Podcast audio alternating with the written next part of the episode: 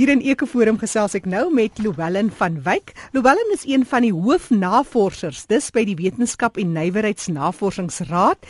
Louwelen, julle het die afgelope week 'n wonderlike saamkoms gehad, uitstallings en so meer. Dit gaan spesifiek dan ook oor 'n volhoubaarheidsweek, het julle dit genoem. Ja, dit is reg. Ons het uh, so 5, 6 jaar gelede begin mense wat die ding real life to green en dit het begin rondom groen geboue. So dit was eintlik die groen gebou konferensie toe begin het en dit het nou uitgebrei om dan ook water en energie en en ander elemente in te bring. Maar die gedeelte waarmee ek betrokke is, uh, gaan oor groen geboue. Hoe bou ons dit? Wat is dit? Wat kan 'n mens verwag? Hoekom ons dit dit, dit doen in dis meer? Nou wêreldwyd is dit 'n tendens wat al hoe meer posvat. Suid-Afrika is goed optree. Vertel ons meer oor groen geboue hier op eie bodem. Hoe vorder ons?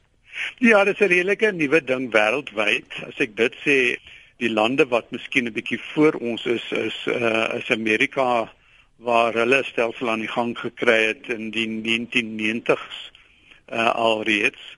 Uh Engeland 'n bietjie voor dit.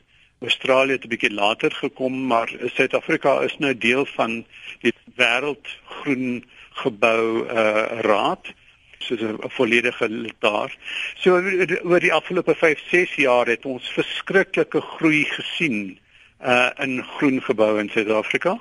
Dit ook dan gepaard met die stigting van die Green Building Council Groen Gebou Raad van Suid-Afrika gebaseer in Kaapstad.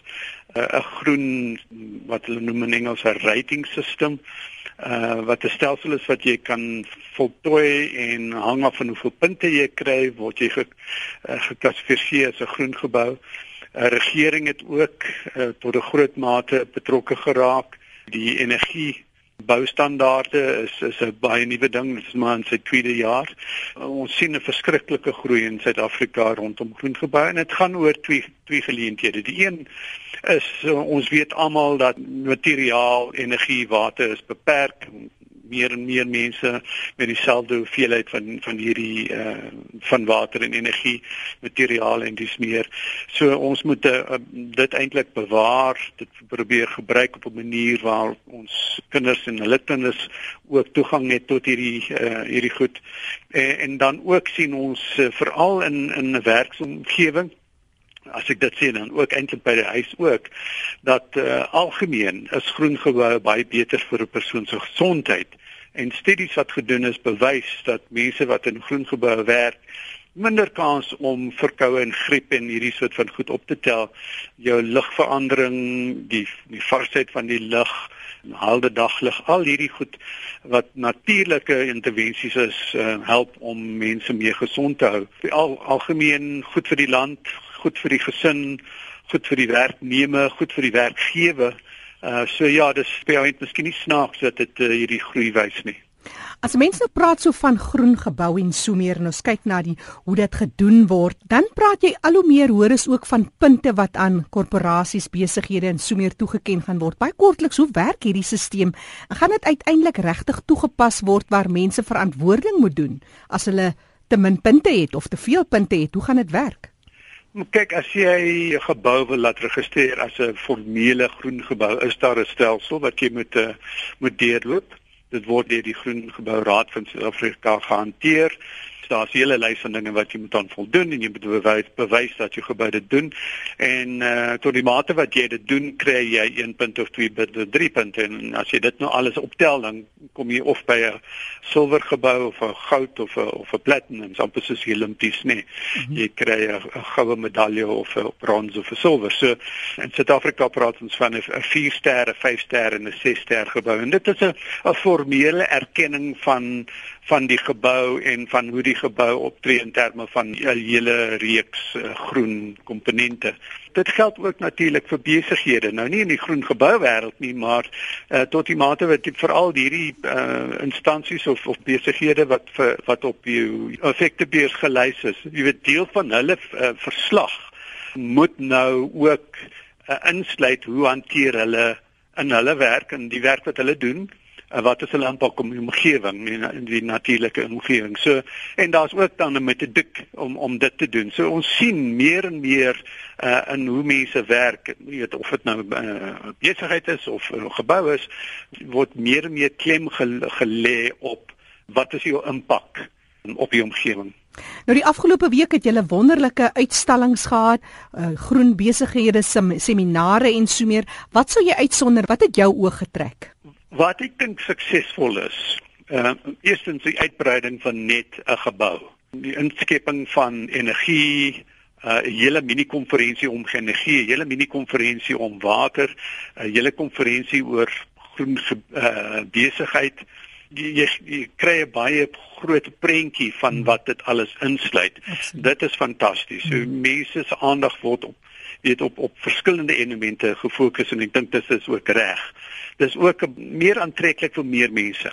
'n Persoon wat wat geen belang in konstruksie het nie of geen belang in groen geboue het nie. Jy weet, sal nie noodwendig iets uit die groen gebou konferensie kry nie, maar sal wel by water en energie en en en sy besigheid iets kry want daardie elemente impak direk op sy besigheid. So uh, ek dink dit uh, word aan meer mense blootgestel. Dis altyd 'n goeie ding.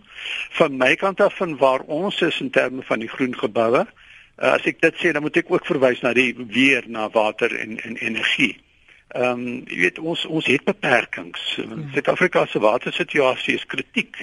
Ons weet almal van die energietekort wat ons het en die en die verskriklike probleme wat ons gaan hê vorentoe in terme van hoe gaan ons genoeg energie genereer uh om 'n groeiende land dit sê beide ekonomies en en van 'n populasie perspektief af. Hoe gaan ons genoeg skep om ons mense ordentlike lewensstandaarde te gee. So hier is kritieke elemente en ek dink wat oor die afgelope week gebeur het is om baie goed te fokus nie noodwendig om weer die probleem te stel nie alhoewel dit word weer gestel en en, en dit word weer gestel omdat ons ook met die tyd en oor die jare meer verstaan, beter verstaan van wat dit is, maar spesifiek wat is ons oplossings? Wat wat is wat is ons opsies vorentoe? Hoe kan ons hierdie ding hanteer? Hoe moet ons dit hanteer en hoe gaan ons dit laat gebeur?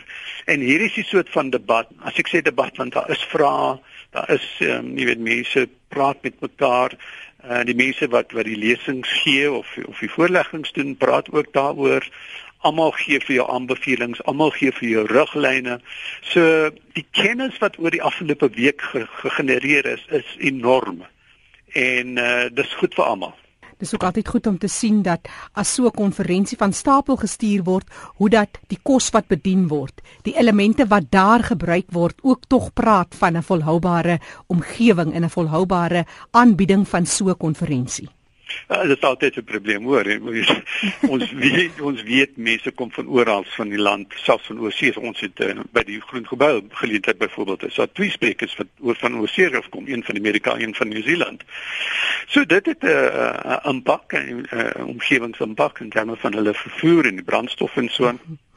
Uh mense wat van Kaapstad af kom, van Durban, van van uh Bloemfontein, Vrystaat en so.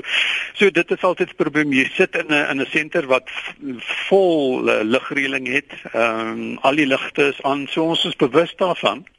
Myself, jy weet ek ek praat uh, by verskillende geleenthede hier en en oorsee en ek is ek is um, volle bewus van my eie carbon footprint as ek dit sou kan stel. Ja. Ons 'n uh, mens hoop dat die kennis wat oorgedra word en ons probeer dit doen op 'n manier dat mense wat die konferensie bygewoon het terug kan gaan en die kennis begin gebruik. Dat dit ten minste oor die periode van 'n jaar vir jou jou besparings gaan wys in terme van die waterbesparing wat hulle gedoen het, die energiebesparing wat hulle gedoen het, die ander uh, voordele wat uitkom uit die uit die hele storie. So hulle noem dit offsetting, jy weet ons 'n mens probeer daarom hoop dat op die einde van die dag daar meer goed is as sleg wat uit uit die konferensie gekom het. En so gesels Louwelen van Wyk, hoofnavorser by die WNNR, dis die Wetenskaps- en Nywerheidsnavorsingsraad.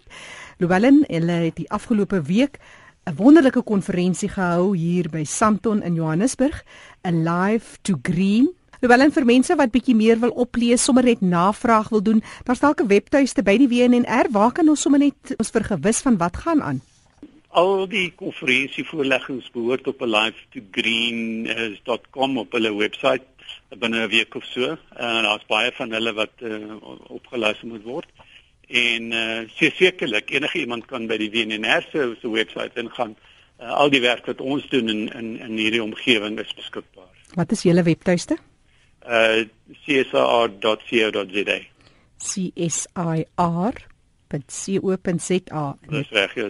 CSIR wat staan vir The Council for Scientific and Industrial Research, ja. .co.za. Daar sê. Dankie aan Llewellyn van Wyk, een van die hoofnavorsers wat met ons gesels het hieroor.